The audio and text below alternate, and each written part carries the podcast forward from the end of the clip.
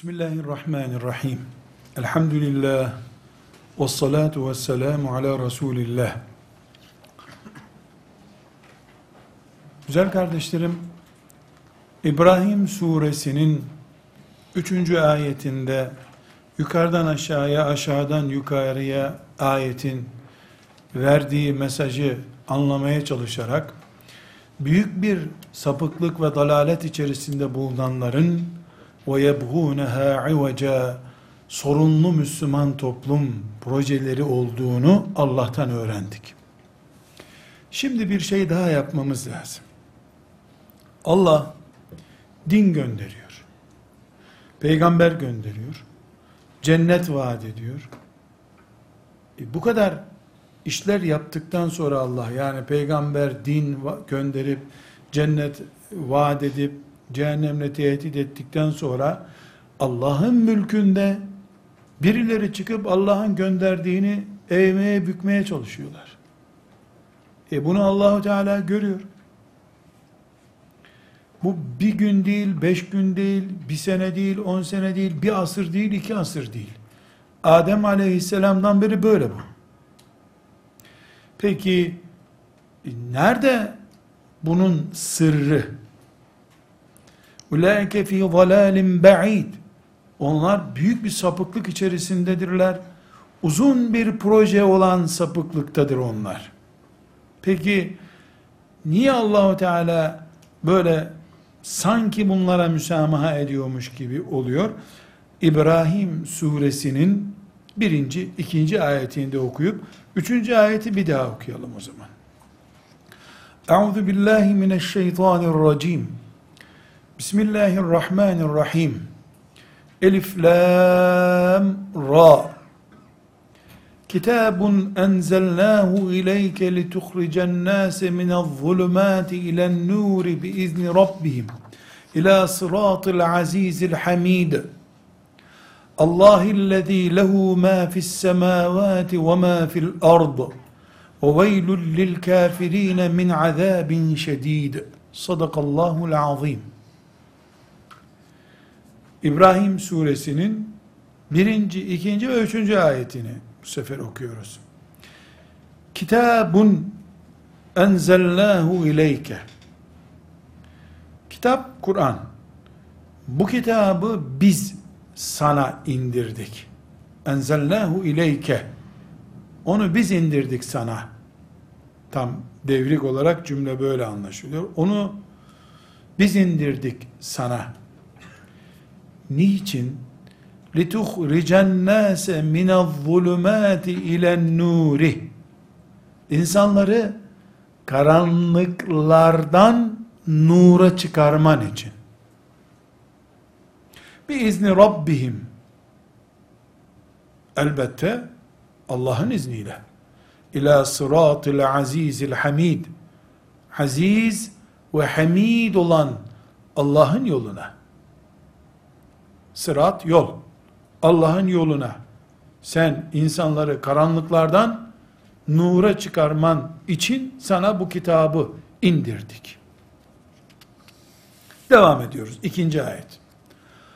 Allah Allah o Allah ellezî öyle bir Allah'tır ki lehu ma fis semavati ve ma fil ard göklerde ve yerde her şey O'nundur. Yerlerde ve gökte her şey O'nundur. Ve veylül lil kafirine min azabin şedid. Vay kafirlere o şedid azabı görecekleri zaman. Vay kafirlerin haline.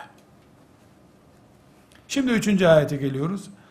اَلَّذ۪ينَ يَسْتَحِبُّونَ الْحَيَاةَ الدُّنْيَا عَلَى الْآخِرَةِ Şu ahireti bırakıp dünyayı tercih edenler وَيَصُدُّونَ عَنْ سَب۪يلِ اللّٰهِ ve Allah'ın yolundan alıkoyanlar وَيَبْغُونَهَا عِوَجًا Allah'ın dinini sorunlu hale getirmek isteyenler اُلَٰئِكَ ف۪ي ضَلَالٍ بَعِيدٍ Onlar büyük bir sapıklık içerisindedirler.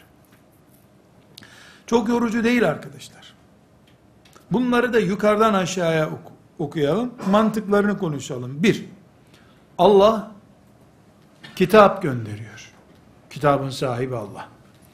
İki, ana maksat insanlar karanlıktadırlar. Bu karanlıktan aydınlığa çıkarsın peygamber diye. Mantık buymuş. Üç, bu ancak Allah'ın izin verdiği kadarıyla olur. Allah izin vermedikçe peygamber ve Kur'an insanları hidayete erdirmez. Biizni Rabbihim ancak Allah'ın izniyle olur bu. Kaç etti? Üç. Dört. Göklerde ve yerde ne varsa hepsi Allah'ındır. Yerde şeytan var. İngiltere var. Fransa var. Küfür var. Batıl var. Şirk var. Her şey var. Türkiye var. Mekke var. Arabistan var. Her şey yeryüzünde. İyi ve kötü her şey yeryüzünde. Beş. Her şeye rağmen kafirler şiddetli bir azaba doğru koşuyorlar. Beşinci madde. Kur'an inmiş. İnsanlar sapıklıklardan, karanlıklardan nura gelmesi için mücadele yapılıyor. Rabbi izin verdikleri kurtulacak. Göklerde ve yerde her şey Allah'ın. Ama sonuç kafirler şiddetli bir azaba doğru koşuyorlar. O şiddetli azaba koşanlar ahireti bırakıp dünyayı sevmiş tiplerdir. Onların mantalitesi Allah'ın yolundan alıkoymaktır. Sadece kendileri gittiler yetmez, başkası da Allah'ı terk etsin, şeriatı, İslam'ı terk etsin diye mücadele ederler. Ve biz gittik bize ne İslam kendi başına kalsın diyemezler. Madem bizim dinimiz değil İslam, İslam'ın da sorunu bitmesin düşünürler. Bunların özü sapıklıktır zaten. Şimdi kardeşlerim, bu üç ayeti kerimeyi tefekkür ettiğimizde terörün kaynağını buluruz. Terörü hangi örgüt hangi örgüt değil, kafirlerin hangisi diye araştırmamız gerekiyor. Hangi kafir terör yapar? Mümin terör yapamaz. Müslüman ve terörizm bir araya gelemez. Bu çok açık ve alenidir. Bu mübarek üç ayeti kardeşlerim üç noktada düşünmek zorundayız. Birincisi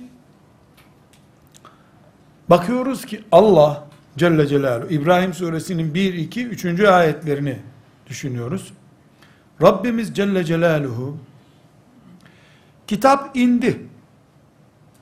Peygamberiniz de var. Karanlıktan kurtuldunuz, nur geldi. Haydi şimdi hepiniz cennete gelin demiyor. Ne buyuruyor peki?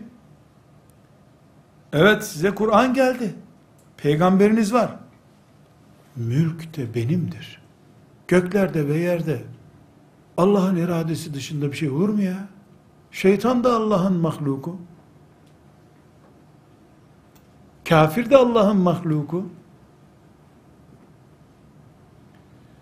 Bunlar İslam'ı sorunlu Müslümanı dert bir tip olarak sonuçlandıracak bir projenin içinde olduklarını Kur'an indiği gün bütün Müslümanlar öğrendiler. Ama Kur'an lehvi mahfuza yazıldığı milyonlarca seneden beri Allah biliyordu zaten. Dolayısıyla Müslümanlar sadece Kudüs, Kudüs'ü kurtarma, Kudüs'te namaz kılma sevdasıyla mücahit olamazlar. Yeryüzünde bu mantıklı kitlelerin içinden, kafirlerin içinden sıyrılıp İslam'ı kurtaracaklar. Kendileri de iyi bir Müslüman olarak Rablerine kavuşacaklar. İslam projesi budur. Dolayısıyla bizim Orta Doğu'da veya Uzak Doğu'da veya Avrupa'da veya İstanbul'da veya İskenderun'da veya Mekke'de veya Riyad'da, Kahire'de özü terör olan bir olayla karşılaştığımızda bu nereden çıktı dememize gerek yoktur. Evvela bu terör gevşekliği Müslümanların hayatı gevşek algılamalarından mı kaynaklandı diye soruşturma yaparız. Teröre kurban edilecek aklı kıtları niye zapt edemedik diye muhasebe yaparız. Sonra da bunun asıl aktörlerine ve organizatörlerine karşı müminler olarak neler yapmamız gerektiğine oturup istişareler yaparız. Terör dahil ümmeti Muhammedi ve müminleri bunaltan hiçbir şey Allah'ın iradesi dışında değildir. Gökler ve yer Allah'ın mülkü olduğu halde. Her şey ma fis semavati ve ma fil ard. Her şey Allah'ın olduğu halde göklerde ve yerde. Mekke'de niye terör olsun? Mina'da niye katliam olsun? Müslümanların namaz kıldığı bir cuma namazını kıldığı yerde niye niye insanlar namaz kılarken öldürülsün? Güya Müslüman olduğu söylenen birileri tarafından. Meseleyi sadece aklı kıt üç kişinin haşhaşinin projesi olarak yorumlayıp tarihi defteri kapatamayız. Mümin elinde kitap olan, Kur'an olan insandır. Olmadan önce terörü bilmek zorundadır. Terör ihtimallerini tıkatmak zorundadır. Sadece lanet ederek değil, oluşacağı mikrop yuvalarını kurtararak terörü önlemek zorundadır mümin. İbrahim suresinin bu üç ayetinden çıkardığımız birinci husus bu. İkincisi arkadaşlar, Rabbimiz çok açık bir şekilde Allah'ın muradı nedir bunu açıklıyor. Allah'ın kudretini açıklıyor, neticeyi açıklıyor. Allah'ın muradı لِتُخْرِجَ النَّاسَ مِنَ الظُّلُمَاتِ اِلَى النُّورِ İnsanları zulümden, zulümattan, karanlıklardan nura çıkarmak. Allah'ın muradı budur. Allah böyle şeyi murad ederken haşa hayal etmemiştir. Keşke böyle bir şey yapabilsek diye düşünmem. Bunu yapmayı murad ettiyse Allah olur o zaten. İkinci noktamız bu işi yapmaya kudreti olan bir Allah'tır o Allah. Çünkü lehu ma fis semavati ve ma fil ard. Göklerde ve yerde ne varsa onun. Şeytan da onun, iblis de onun, her şey onun. Yani Allah'ın muradı litukhicen nase mine zulümettir. Kudreti de lehu ma fis semavati ve ma fil ard'dır. Netice nedir? Ve veylül lil kafirine min azabin şediddir. Sonunda kafirler şiddetli bir azaba uğrayacaklar. Dolayısıyla bugün şeytanın şehvet kışkırtması yapıp insanların iffeti ve benzeri varlık manevi varlıklarını tahrip edecek çalışmalar yaptığı gibi insanları birbirlerine öldürtme projesi de şeytanın devam ediyordur. Çünkü Kur'an gönderdim, yerlerin göklerin sahibiyim, neticede kafirler azaba mustahak olacaklar. Biliyor Allah bunların iman etmeyeceğini. Ama ölen projede şahitleri belli suçuyla ölsün, yaşayan da şahitlerin huzurunda yaşasın diye bu işleri yapıyor demek ki Allah. Üçüncü tespitimiz İbrahim suresinin ilk üç ayetinden kardeşlerim. Demek ki kafirlere bu terörizmin de aslını besleyen kafirlere üç gömlek biçmiştir Allah. Birincisi dünyayı severler ahireti sevmezler. İkincisi Allah'ın yoluna barikat kurarlar. Üçüncüsü sorunlu İslam derdindedir onlar. Sorunları olsun. Müslümanlar dertli olsun. Eğer Allah kafirleri bu İbrahim suresinin 3. ayetinde eğer bu şekilde tarif ediyorsa kafirleri ahiretleri yok İslam'ın yolunu tıkatıyorlar ve sorunlu İslam istiyorlar şeklinde ise kafirler bu ayeti bir kere daha tersten okuyalım. Kafir odur.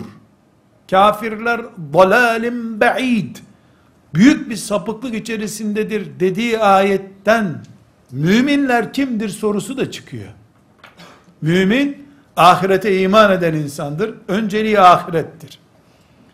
Mümin Allah'ın dinine davet eden insandır. Üç, mümin elinden geldiği kadar sorunsuz bir İslam toplumu için mücadele eder. İslam ve terörizmin birleşemeyeceğini, bunu birleştirmenin ancak bir şeytan mantığıyla mümkün olduğunu, Kabe'yi tavaf eden insanın insan ayağına değil karınca ayağına bile basamayacağını söylüyoruz. Bunu bir mantık üzerine oturttuk. Dedi ki İbrahim suresi plan çiziyor. Kafirleri bayrak yaparken İbrahim suresi lan bu adamlar diye biz kabaca özetleyelim. Bu adamlar ah, dünyaya tapınıyorlar ahiretleri yok. Allah'ın dinini engelliyorlar ve sorunlu bir İslam toplumu istiyorlar. Hiç alim olmak gerekmez. Şeriatçı olmak gerekmez. Ya bir düşün kafir böyleyse mümin nasıldır peki? Çok basit. Ters taraftan baktın mı mümin görülür. Ahiret derdi var, dünya ile bir bağı yok. Bir. İki, Allah'a davet eder. Çünkü kafir Allah'a giden yolu tıkatıyor. Mümin sen Allah'a davet edeceksin. Cennete adam toplayacaksın. Mümin sen İslam toplumunun var olsa bile sorunlarının olmadığını düşüneceksin. Çünkü sen İslam toplumunun çocuğusun. İslam toplumu senin ailen, ev ocağın. Evdeki mahrem konularını medyatik hale getirmediğin gibi, kamuya mal etmediğin gibi, öz bir aile gibi intisap ettiğin İslam toplumuna dair de eğri büğrülükleri, sorunları konuşmaz mümin. Peki mümin cami bombalar mı? Mümin mümin kardeşini öldürür mü? Mümin mümine zulmeder mi? Ya mümin kafirin mantığından olursa olur bu. Kafir kimdir? Ahireti yok. İslam'ın önünde barikat ve Müslüman toplumu sorunlu toplum olarak, birbirini yiyen toplum olarak lanse etmek ister. Mümin kimdir peki? Ahireti var. Dünyası yok. Adeta Allah'a davetçidir ve İslam'ı elinden geldiği kadar İslam toplumunu becerebildiği kadar sorunsuz kabul eder. Sorunları bile zevke dönüştürür, lezzete dönüştürür. İbrahim suresinin 3 ayeti kardeşlerim bugün imanın şartlarını öğretiyoruz ya çocuklarımıza. Bir, Allah'a iman. iki meleklere iman. Aynı şekilde Rabbimizin bizim için uygun gördüğü toplumda yaşayan mümin karakter özellikleri diye de bu surenin bu üç ayeti öğretilmesi lazım. Ya burada müminlere ait bir şey yok diyen Kur'an tanımıyor demektir. Niye Kur'an kafirleri bu kadar aleni bayraklaştırıyor?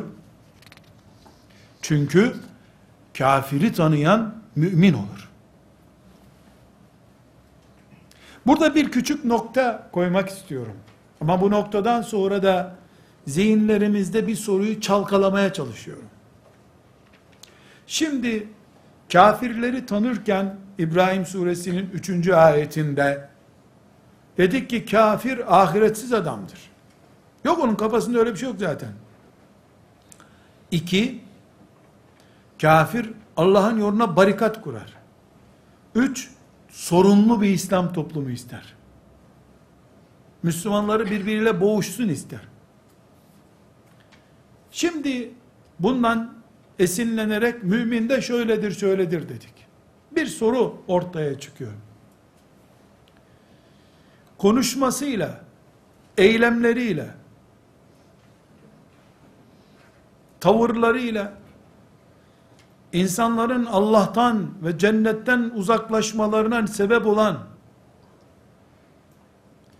İslam'ı kötü, berbat, Afrika'da ancak dağlarda veyahut ormanlarda, Amazon ormanlarında yaşanabilir bir din olarak lanseye sebep olan milyonda bir bile olsa böyle bir hata yapan ve eliyle, diliyle, kalemiyle, parasıyla, tavırlarıyla, kaş hareketleriyle, dudak hareketleriyle Rabbimin ibadetini bir kişi daha yapsın, bir kişi daha secde etsin diye Allah'a davet eden aynı mıdır?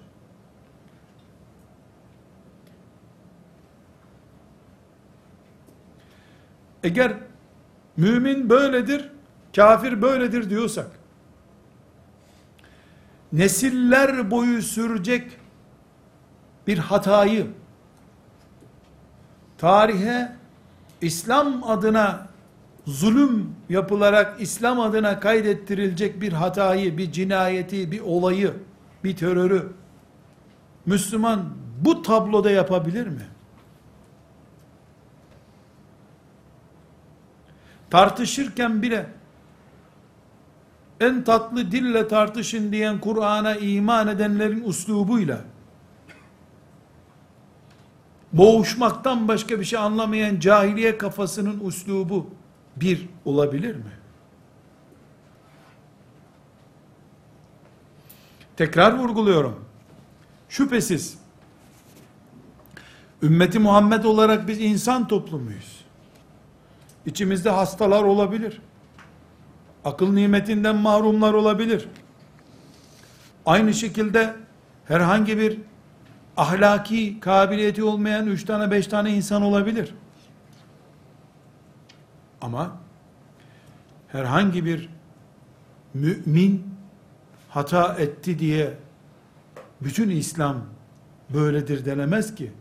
İslam ne zaman bunun faturasını ödemek zorunda olur. Kur'an'ı bunu emrediyorsa. Fransız ihtilalinden önce terörizm diye bir şey olsaydı İslam bunun faturasını öderdi derdik.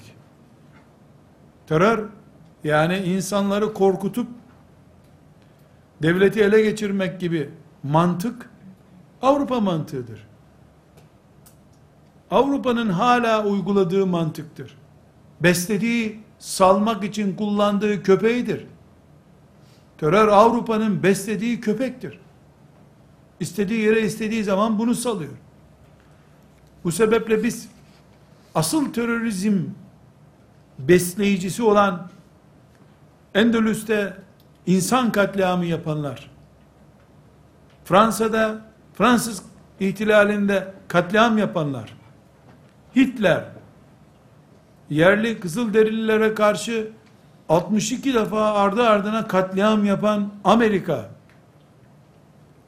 ve dünyanın her yerinde derin istihbarat örgütleriyle bu zulmü yapanlar ve bunların fikir babası olan Siyonistler Filistin'de yaptıkları 60 yıllık 70 yıla varan zulme rağmen nasıl kalkıp da İslam'ı ve Müslümanı terörizmle buluşturabilirler.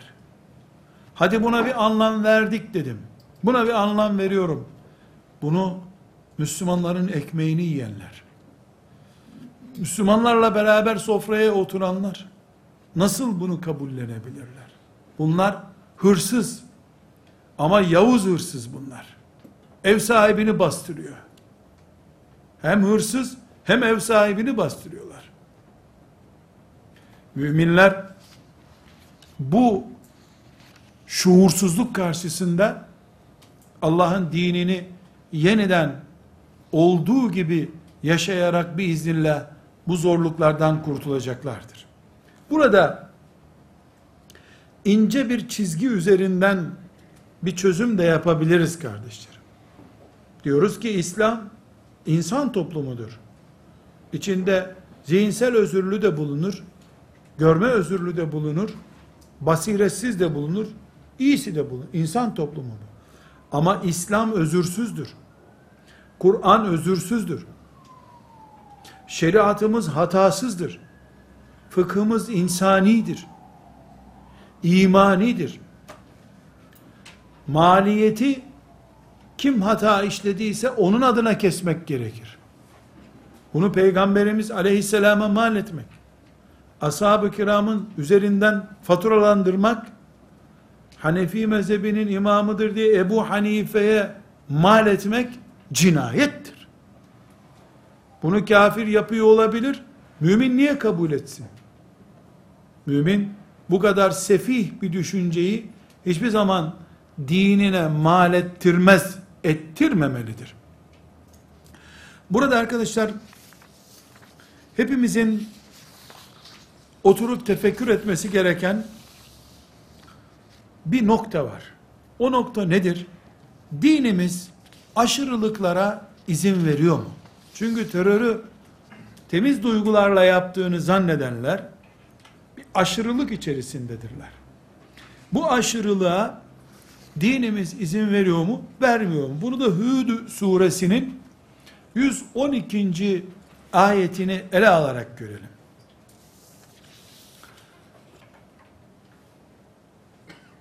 Ashab-ı kiramın yaşadığı toplumda da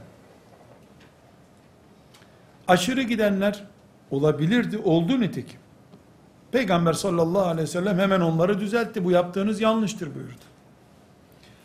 Kur'an-ı Kerim'in Hud suresinin 112. ayeti kıyamete kadar bütün müminler için denge emri veriyor. Meşhur bildiğimiz ayettir bu. Festakim kema umirt. Festakim kema umirt. Sana emredildiği gibi istikamet üzere ol. Dost doğru ol. O men tâbe ma'ake ve seninle beraber Rablerine dönenler de yani müminler de istikamet üzere olsunlar. Burada henüz mesaj gelmedi. Ayet bitmedi çünkü.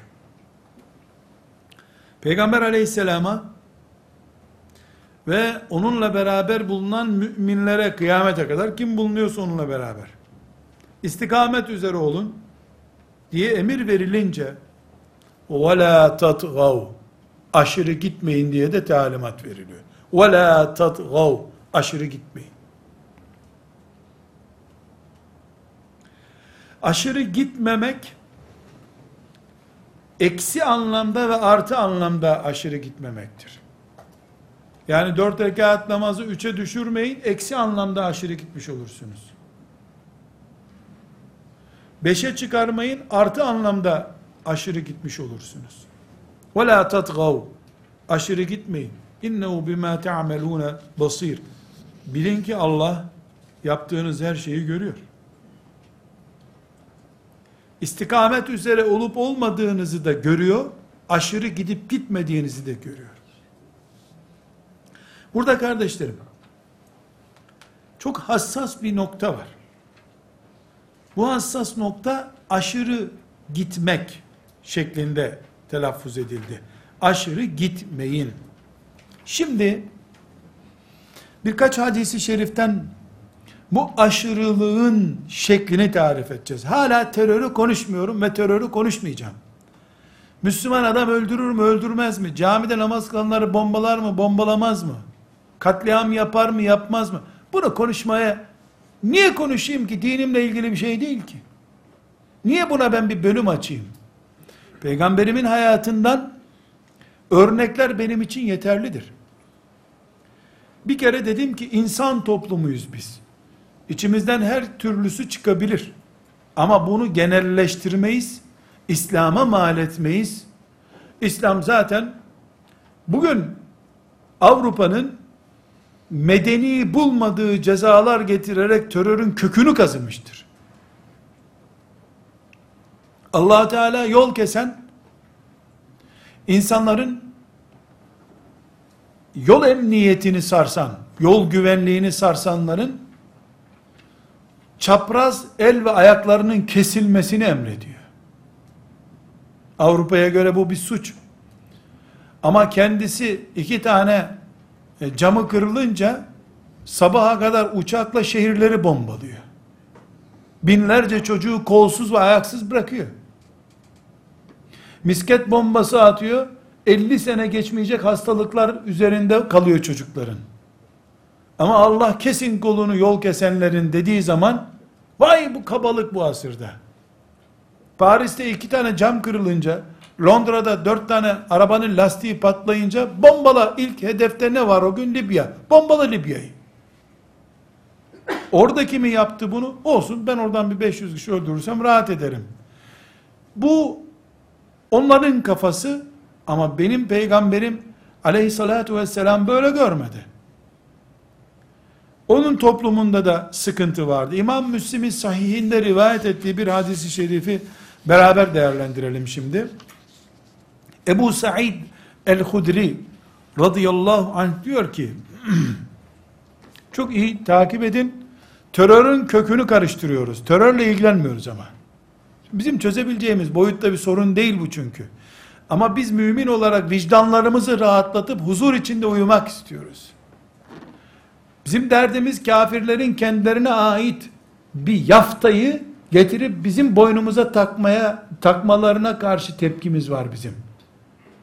Yavuz hırsızın yaftası bu. Bizim yaftamız değildir. Onlara ait bir etiketi sahtece bizim üzerimize yapıştırıyorlar. Ebu Said el-Hudri radıyallahu anh diyor ki Ali radıyallahu anh'ı Efendimiz sallallahu aleyhi ve sellem Yemen'e göndermişti. Ali de Yemen'den bir sebeple elde edilmiş bir altın madenini Efendimiz'e göndermiş. Bu altın madeni o kadar ki daha henüz işlenmemiş, toprağı da üstündeymiş. Koymuşlar torbaya, hiç dokunmadan üstünde toprak tozlarıyla beraber Medine'ye getirmişler. Efendimiz sallallahu aleyhi ve sellem de bu gelen altını devletin hazinesine koymayıp oradaki 4-5 kişiye dağıtmış. Alın sizin olsun demiş. Burada çok enteresan bir olay olmuş.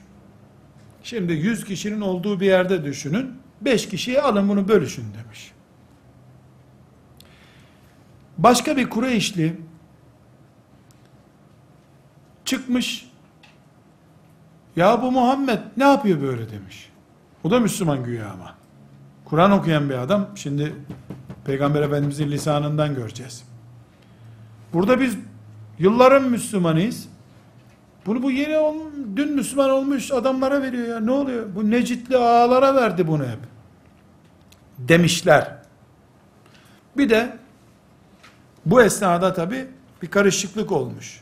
Sahneyi tekrar düşünelim. Müslümanların önünde henüz altın işlemesi bile yapılmamış tozu toprağı üstünde bir altın madeni gelmiş. Efendimiz de onu 4-5 kişiye vermiş. Bunu tartışma konusu yapmışlar. Sonra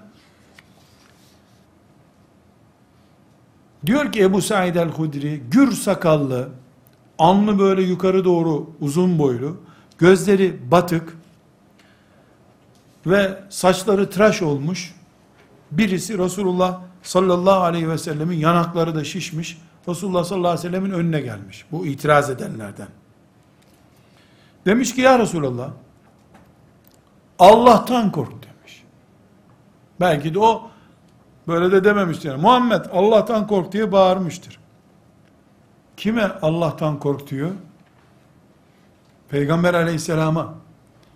Efendimiz de buyurmuş ki yahu ben korkmuyorsam kim Allah'tan korkar demiş.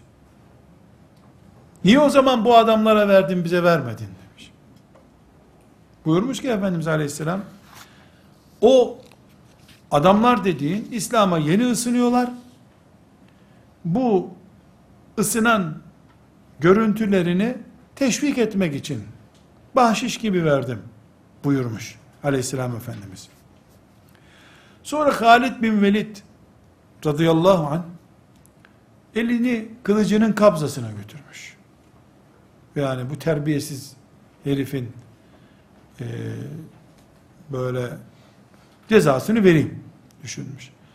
Efendimiz de bırak belki namaz kılıyordur demiş. Dokunmayın buna buyurmuş. Sonra o adamı göstererek bakın ne buyuruyor. Bu adamın kabilesinden, soyundan insanlar gelecek. Kur'an okuyacaklar. Ama Kur'an boğazlarından aşağı geçmeyecek. Kalplerine inmeyecek yani. Kur'an okuyacaklar ama ümmetim içinde katliam yapacakları için okun yaydan çıkıp fırladığı gibi İslam'dan çıkıp gitmiş olacaklar. Ben onları zamanımda görsem Ad kavmine inen azabın benzerini onların kafasına indirirdim. Kökten helak ederdim onları yani. Bu sahih bir hadisi şerif arkadaşlar.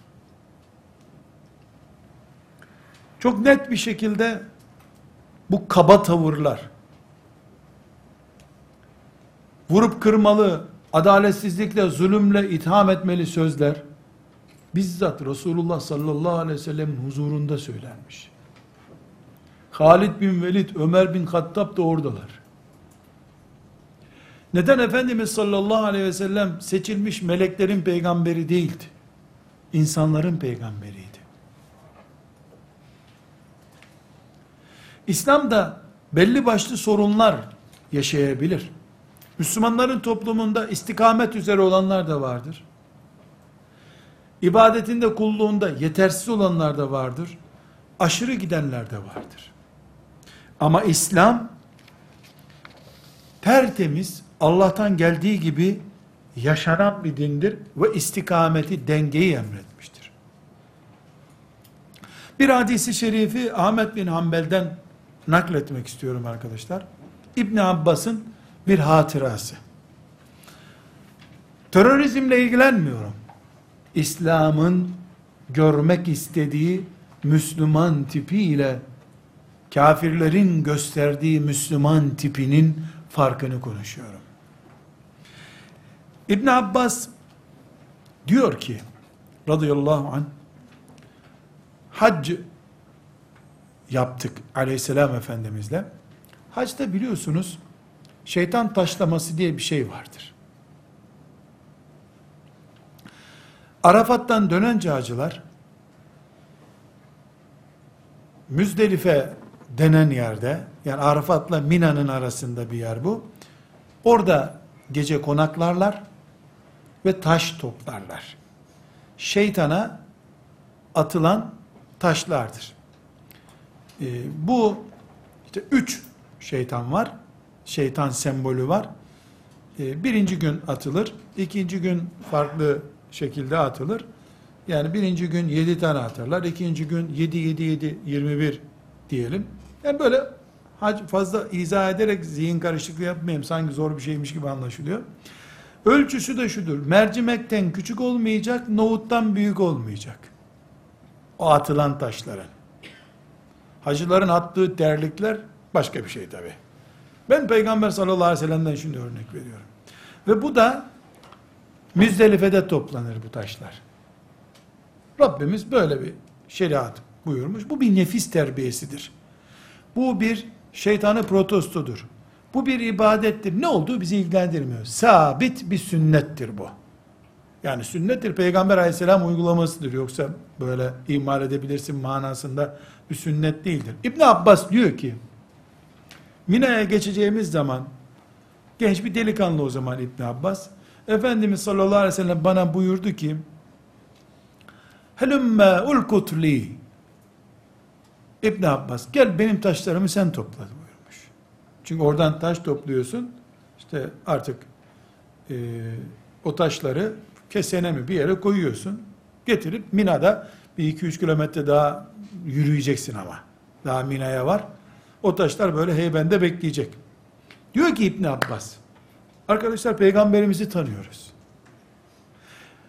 Bize bıraktığı Müslüman profilini konuşuyoruz. Bir de kafirlerin lanse etmeye çalıştığı, ressamlarına çizdirdikleri e, veya tasvir etmeye çalıştıkları Resulullah'a bağı olmayan Müslümanı görüyoruz zaten. İbn Abbas diyor ki gittim Resulullah sallallahu aleyhi ve sellem için taşlar topladım. Yanına gittim, avuçlarını açtı. Topladığım taşları avuçlarına koydum. Ne yapacak Efendimiz sallallahu aleyhi ve sellem onları? Şeytana atacak. Taşları elinde görmüş Efendimiz. Heh, şöyle yahu buyurmuş. Çok güzel çok güzel topladın buyurmuş. Çok güzel topladın.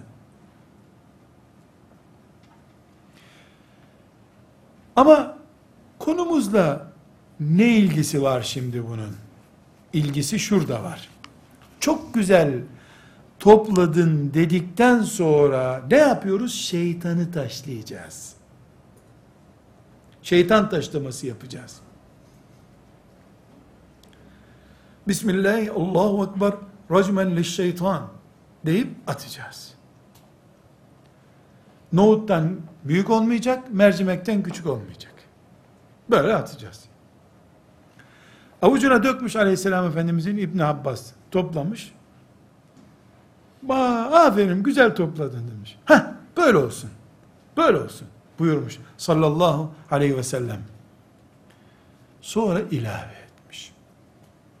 Tabi orada ashab-ı kiram da dinliyor.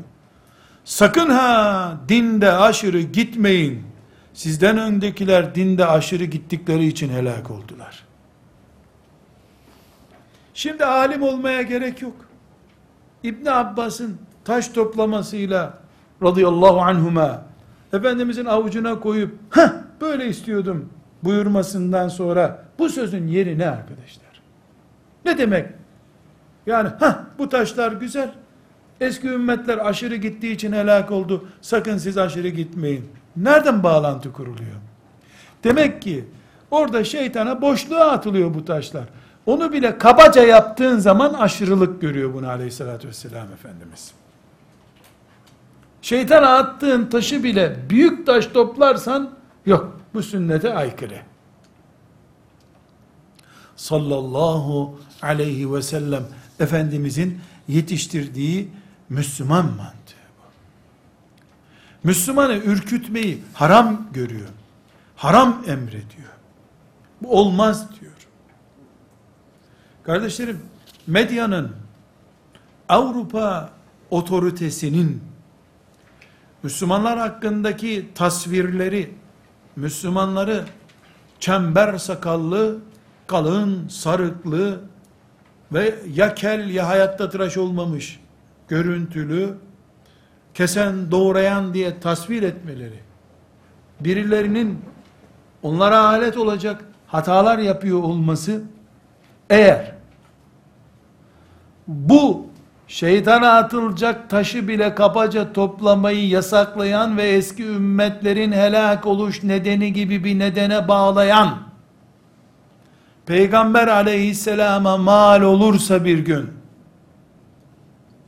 Müslüman çocuklar bile Müslümanların çocukları bile Peygamberimiz kesti doğradı işte diye anlarlarsa şeytana atılacak taşı bile kabaca yaptırtmayan peygambere bu kabalıklar mal edilirse, bizim camilerde okuttuğumuz mevlütler, peygamberimizin adına kutladığımız doğum haftalarının hiçbiri Müslümanlığımızın belgesi olamaz bir daha. Eğer peygamberimize söz getirttirirsek, aleyhissalatü vesselam, birisi söz getirttirir, ya da Müslüman nesiller bile dinimizin bazı tıraşlanması gereken kabalıkları, zorlukları haşa var gibi algılayacak ya da zihinlerinde böyle bir kavram oluşturulacak olursa, bizim törenler yaparak İslam'ı güçlendirmemiz mümkün değildir. Katliam ve İslam, milyarlarca kere insan doğsa büyüse İslam'a mal edemeyeceği bir kelimedir. İslam, ne katliamı bütün insanlığı diriltmek için gelmiş, kafire bile hayat bahşeden, kendisiyle savaşanları bile insan oldukları için saygın tutan bir dine nasıl mal edilebilir? Ashab-ı kiramı nasıl yetiştirdi Resulullah sallallahu aleyhi ve sellem? İbni Abbas'ı nasıl yetiştiriyor? Biz Peygamber aleyhissalatü vesselama mal edilen ne tür hataların sebebi oluyoruz? Burada kardeşlerim, bunu bir de Müslümanın Müslümana yaptığını düşünürsek, insanın aklı durur. Abdurrahman İbni Ebi Leyla diyor ki, Resulullah sallallahu aleyhi ve sellemle beraber bir yolculuğa çıkmıştık. Herkes gidiyor. Deve, yani görmediyseniz tarif etmesi de zor. Deve böyle beşik gibi insanı sallaya sallaya giden bir hayvandır. Tıpış tıpış gider ve böyle çocuğu annesi sallaya sallaya uyuttuğu gibi devenin üstünde uyur insan. Çünkü böyle aynı rutin bir sallayışı vardır. Böyle bir ileri bir geri tıp tıp tıp yapar üstünde. Böyle e, makasları sert bir araba ile köy yolunda gitmek gibi diyeyim size yani böyle biraz da modern bir ifadem olsun. Devenin üzerinde uyur insan. Şimdi bir yere cihada gidiyorlar. Herkes teyakkuzda sahabeden biri uyumuş. Ama e, o sahabenin üstünde bir ip var artık e, heybesini mi bağlamış ne bağlamışsa o ip de sarkıyor aşağıda. Adam uyukluyor böyle gözlerini kapatmış kesiyor. Deve çünkü öndekine bağlı olup gidiyor. Yani radara uyup gider deve. Devenin üzerindeki deveyi gütmez. En öndeki uyanık olur sürekli o at kullanır umumen. Deve bin tane deve arkasından gider öyle. Bunun için Efendimiz sallallahu aleyhi ve sellem toplumları bir araya gelmiş yüz deveye benzetiyor. Akıllı bir adam onları her tarafa götürür. İyiyse iyi, kötüyse kötü gibi. Arkadan bir sahabi de şimdi yol üzerinde şaka yapıyor. Öndeki sahabi uyuklaya kalmış. Omuzundan da diyelim işte bir ip kılıcını bağladığı bir ip mi artık neyse sarkmış. Sessizce yanaşmış. O ipi tutmuş. Şimdi ipi birden çekince şimdi savaşa giden bir insan zaten rüyasında kim bilir birine vuruyor, biri ona vuruyor mu rüya görüyordu arada neydi? Allah diye bağırmış adam. Ürkmüş. Efendimiz sallallahu aleyhi ve sellem de ne oldu yani bir olay mı oldu diye ne oldu buyurmuş. Yok ya Resulallah şakalaştık demiş. Şakalaştınız ama mümin kardeşiniz korktu buyurmuş. Müminin mümini ürkütmesi haramdır. Dikkat edin buyurmuş. Rakı haramdır dediği gibi bir haram diyor. Bağdat yaşanmaz şehirdir diye adeta kanun maddesi gibi bir gerçeği insanların zihnine nakşeden olayların failleri yüzlerce sonra bile ümmeti Muhammed'in lanetiyle mezarlarında çürüyeceklerdir. Sırf bir arada oldukları üç kişilik, beş kişilik ders ortamında kesip gideceksin lan bu adamları. Bunlar zaten ölümü hak etmişlerdi. İnsanların imanlarıyla ve canlarıyla oynamak basit bir olay değildir. Yeri gelir.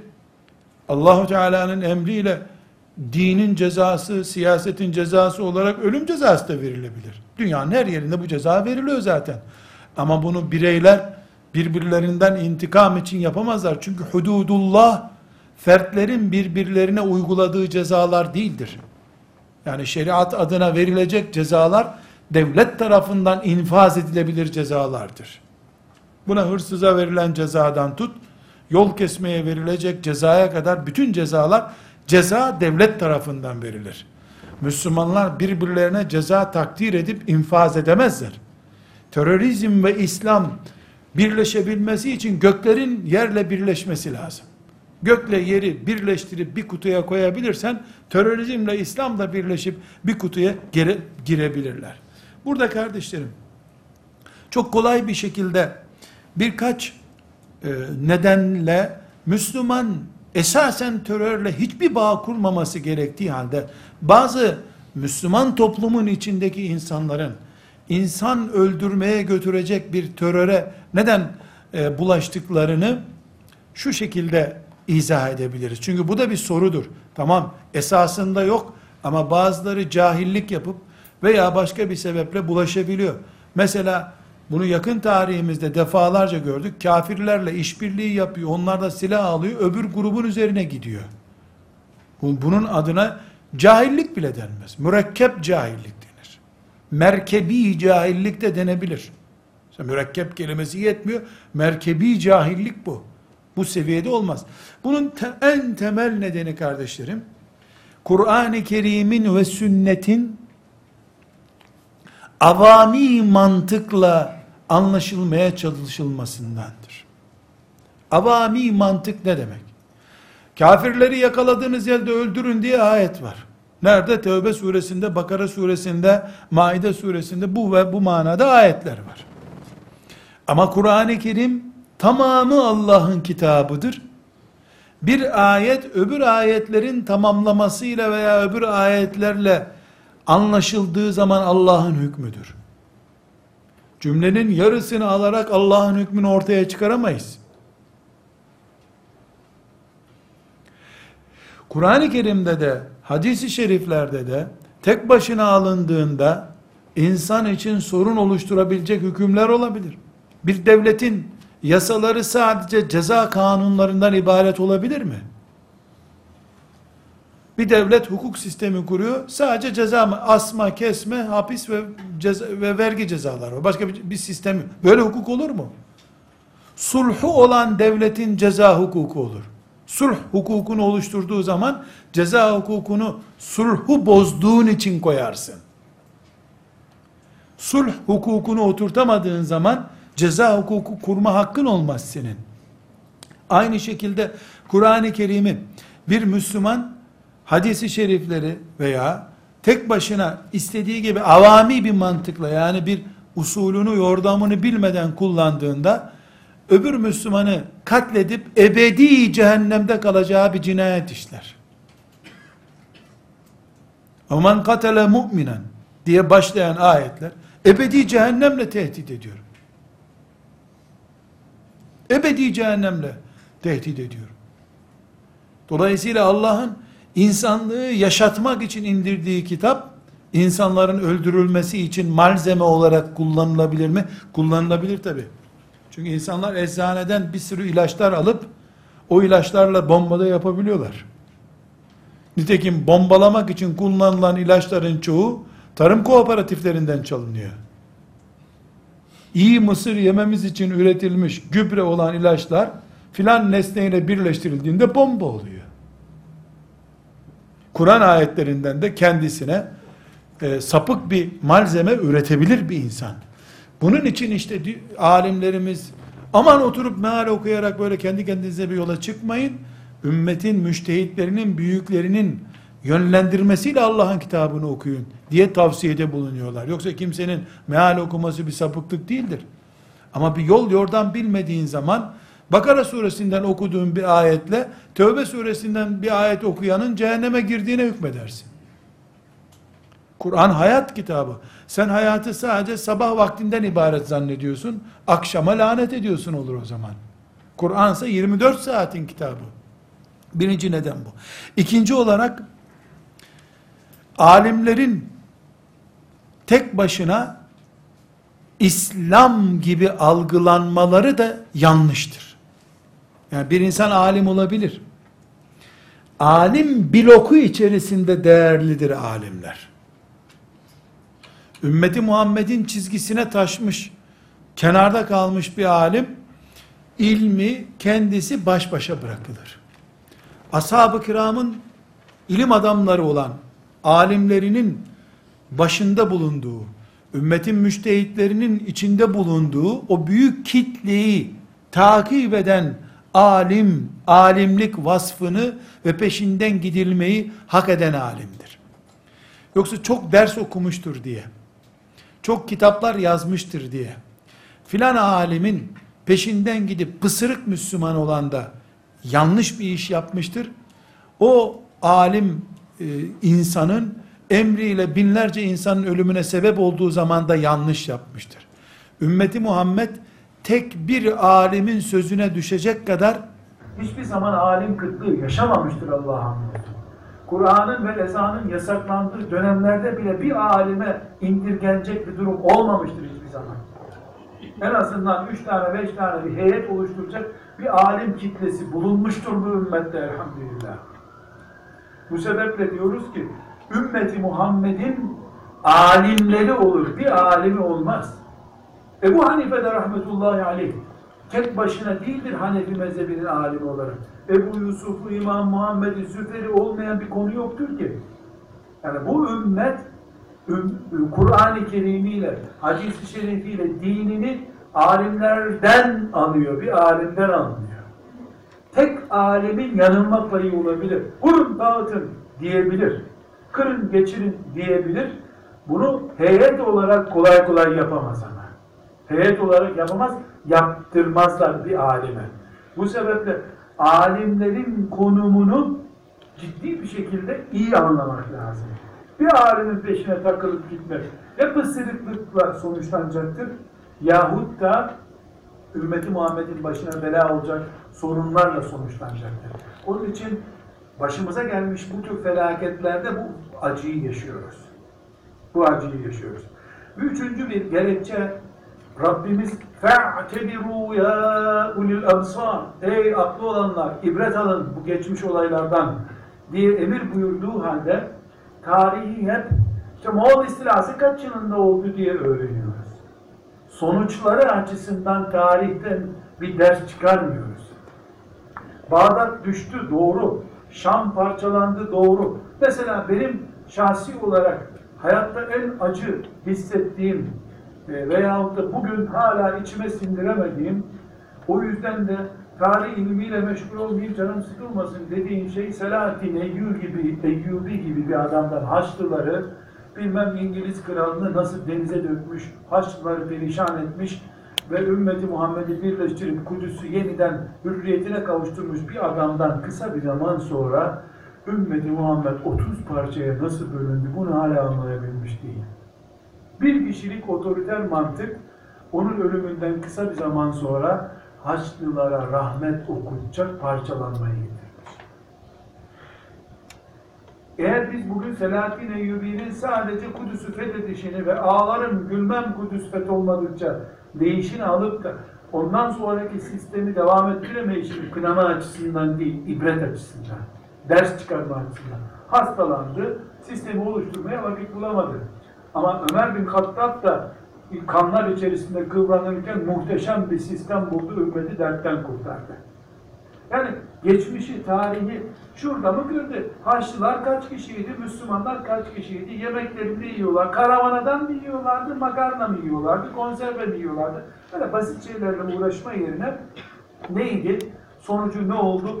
Değerlendirmediğimiz sürece, tarihten ders almadığımız sürece tarih olup gitmeye mahkum kalıyoruz.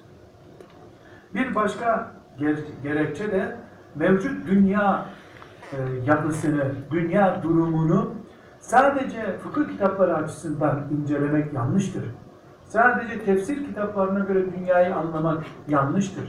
Tefsirler, fıkıh, hadisler, şeriatımızın diğer dinamik yapısı bize meselenin ana çekirdeğini öğretiyor. Teknolojisinden kafirlerin çalışma sistemine kadar her şey daha basiretli, daha siyasetli olan önderlerimizin bize açması gereken ufuk içerisinde görülecektir. Tarihten ibret almak, dünyanın mevcut şeklini de tanımak mecburiyetindeyiz. Bir başka e, özellikle bugün başımıza gelen sorunları tahlil etmemiz gereken şey de kardeşlerim, ümmeti Muhammed'in şura mantığından uzaklaşmış olmasıdır. Şura, ümmeti Muhammed'in kafası olanların bütününün ortak kanaatini demektir. Halbuki biz bir liderin peşinden, e, kimseyi takmaya bir adamın peşinden, bir hoca efendinin, bir alimin, bir muhaddisin, bir şeyh efendinin peşinden gidiyoruz. Bu ne oluşturuyor? Uç noktalarda kalmış, dengeyi sağlayamayan gençler oluşturuyor mesela. Gençliğinin en hareketli, en bereketli günlerini şurada burada sürünerek geçiriyor. İş işten geçtikten sonra ya biz biraz aşırı gittik herhalde demekle kurtulduğunu zannediyor. Zayi ettiği ümmet enerjisi. Helakine sebep olduğu insanlar, mallar, servet bunların hesabı Allah'a kalıyor şüphesiz. Her şeye rağmen biz ümmeti Muhammediz, insan toplumuyuz. İçimizde hastalıklı tiplerde bulunabilir. Dinimiz o değildir. Bizim dinimiz Allah'a aittir. Örneğimiz Resulullah sallallahu aleyhi ve sellem'dir. Ashab-ı kiram onun çalışma şeklidir, örneğidir. Biz ümmet olarak yalın kalmış, çıplak kalmış durumda değiliz. Elhamdülillah 10 milyon tane kötü örnek önümüze koysalar Resulullah sallallahu aleyhi ve sellemin alnındaki nurdan biz cennetin yolunu buluruz. İnsanlığa, insanlık çekirdeği olarak ders vermeye biiznillah hazırız.